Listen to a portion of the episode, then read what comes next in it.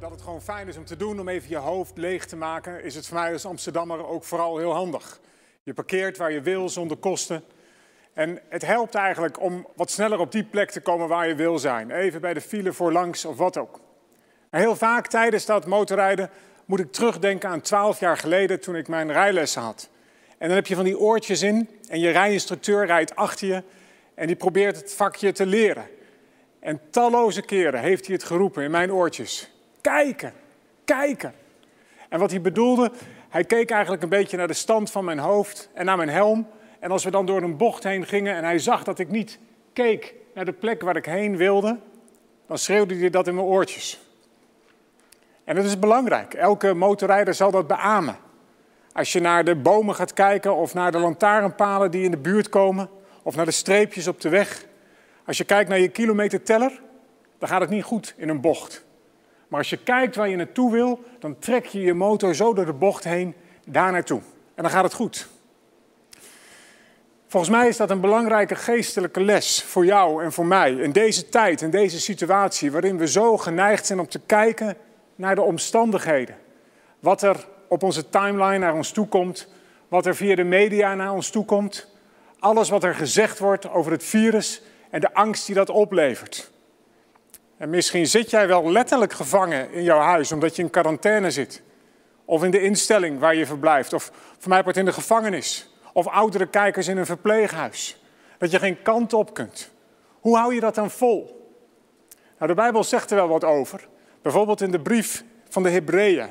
Hebreeën 12, vers 1 en vers 2. Nu wij, zegt de schrijver, door zo'n menigte geloofsgetuigen omringd zijn, moeten wij de last van de zonde waarin we steeds weer verstrikt raken van ons afwerpen en vastberaden de wedstrijd lopen die voor ons ligt. Laten we daarbij de blik gericht houden op Jezus, de grondlegger en voltooier van ons geloof. Denkend aan de vreugde die voor hem in het verschiet lag, liet hij zich niet afschrikken door de schande van het kruis.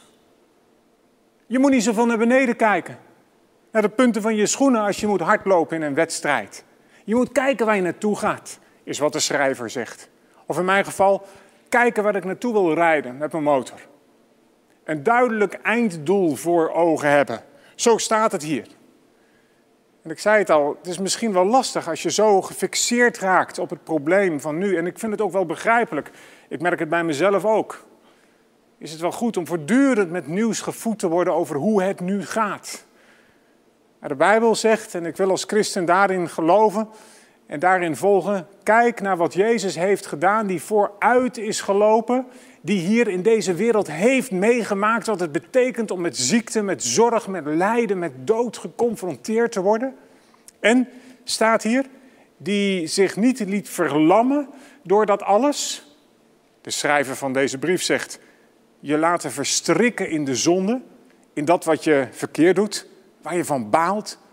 Je laten verstrikken in dat waar je niet genoeg goed hebt gedaan. Of misschien mag je ook wel zeggen de gevolgen van de zonde. Ziekte, nadigheid in deze wereld, al die dingen die we eigenlijk helemaal niet willen. Laat je daar niet in verstrikken, maar kijk waar je naartoe wil. Dat betekent trouwens niet dat je maar een beetje met je hoofd in de wolken moet gaan zweven. Een beetje je kop in het zand moet stoppen. Doen alsof er niks is. Nee, er wordt hier over een wedstrijd gesproken. En ik probeer me dat dan maar voor te stellen. Ik loop die wedstrijd. Een soort atletiekbaan met horders. En ik ren. En ik ben er moe van. En ik val.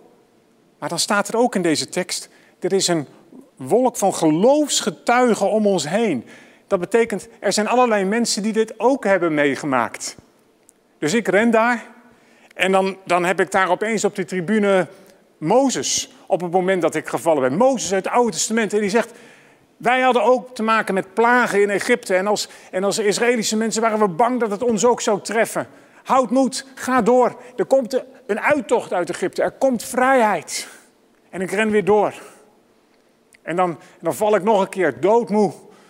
En dan staat Jozef op op de tribune. Jozef uit het Oude Testament, die eh, om een verkeerde reden in de gevangenis belandde. Onterecht. Hij was niet schuldig. De vrouw van Potifar had gezorgd dat hij daar terecht kwam. Een verhaal uit het Oude Testament. En Jozef zegt, ik weet wat je voelt. Dit is niet eerlijk.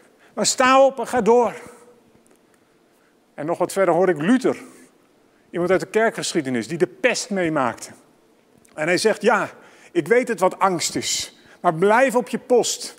Doe wat je moet doen. Doe wat je kunt doen. Dat is bijzonder, hè? Al die mensen op de tribune van de atletiekbaan, terwijl jij de hordes neemt. Dus dan zit je opa of je oma wel, wel op die tribune, als al overleden zijn en, en de oorlog meemaakten. En als het ware zeggen, kom op, mijn kleinzoon, mijn kleindochter. Ik weet dat het leven niet makkelijk is, maar houd het doel voor ogen. Of mensen die door IS vermoord zijn. En allemaal, allemaal situaties dat het niet makkelijk was. Geen struisvogelpolitiek. En toch gericht op de toekomst. Op wie dan? Op Jezus. Die al heeft gelopen. Die de wedstrijd van het leven al heeft meegemaakt. Die daar aan het eind op de finish staat te wachten. Op jou, op mij. Om ons te omarmen. Om ons zelfs de bloemen te geven. Om de medaille om jouw nek te hangen. Dat is wonderlijk, hè? Ongelooflijk. Het laat zien dat God zich in deze wereld heeft gestort. Hij heeft zichzelf gegeven hier in de persoon van Jezus. Hij is niet in de hoge hemel gebleven om te zeggen, nou succes hè. Hij was hier in de persoon van Jezus. En ik heb het nodig om op grond van de Bijbel keer op keer mijn blik op de toekomst te houden. Hier staat, Jezus was zelfs niet bang voor de schande van het kruis. Om de vreugde die was weggelegd voor hem. Ja, daarvoor is het wel nodig dat je verder kan kijken dan dit leven. Er is meer. Er is meer dan wat alleen hier op aarde gebeurt. Er is een toekomst. Dat is de troost die ik op dit moment heb als gelovige. En ik hoop jij ook. Er is meer dan wat hier nu op aarde gebeurt aan ziekte en aan zorg. Er is een doel waar we naar onderweg zijn. De ontmoeting met God, het leven met Hem. En laat je, zegt de schrijver, niet afleiden door alles wat daaromheen gebeurt. Je eigen fouten, je eigen zonde, ziekte, nadigheid, zorg. Hoe begrijpelijk ook. Loop er niet voor weg.